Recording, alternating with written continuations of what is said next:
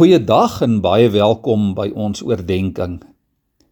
'n Wyse persoon het eendag gesê: Dit is vir 'n mens moontlik om van brood alleen te lewe, maar net as dit die brood van die lewe is.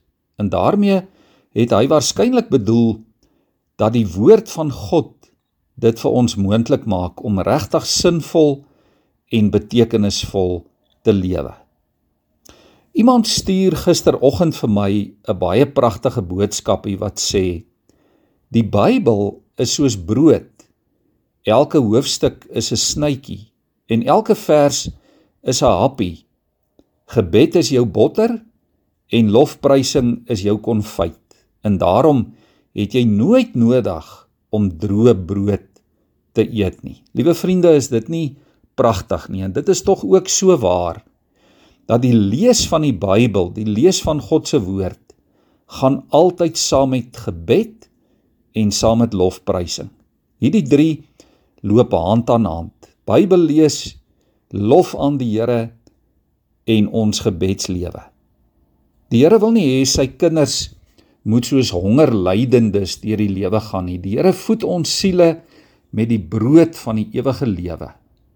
En die voedsel kry ons in 'n verhouding met Jesus Christus as die lewende brood uit die hemel.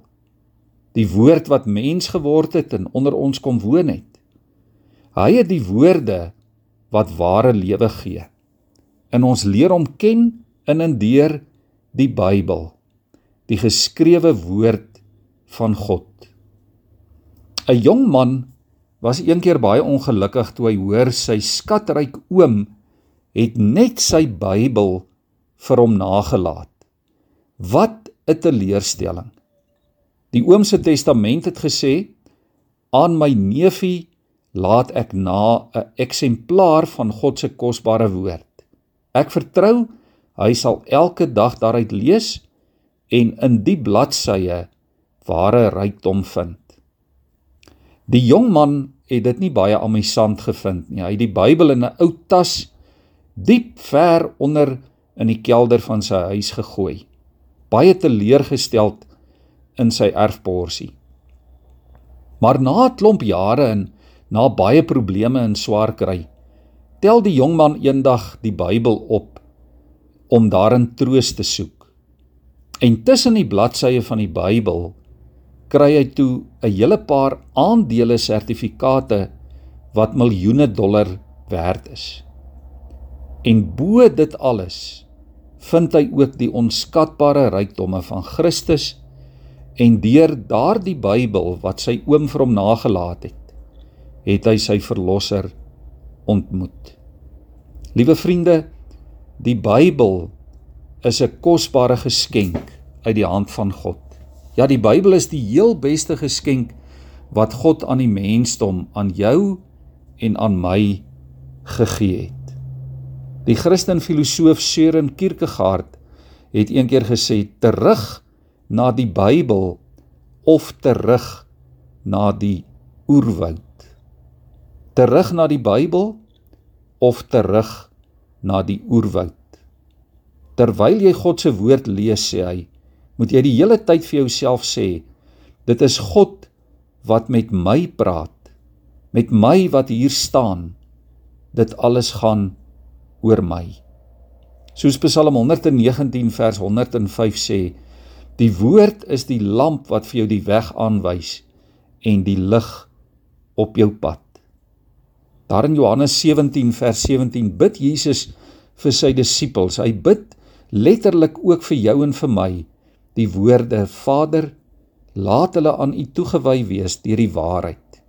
U woord is die waarheid. Ja liewe vriende die Bybel is inderdaad die grootste die heel beste die kosbaarste geskenk wat God aan die mensdom en ook aan die mense van ons mooi land gegee het.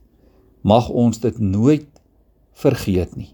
Lees jou Bybel bid elke dag want dit gee jou krag. Ons buig in gebed voor die Here. Here, ons kom vandag opnuut om U te dank vir U kosbare woord. Dankie Here dat dat u woord vir ons die brood is waarsonder ons nie kan lewe nie. En Here, soos wat ons elke dag voedsel nodig het, wil U vir ons help en vir ons leer om elke dag ook die brood van U woord te eet, om dit te lees, om dit te oordink en Here om ook toe te laat dat U Heilige Gees ons omvorm, ons verander, ons voed deur U kosbare woord.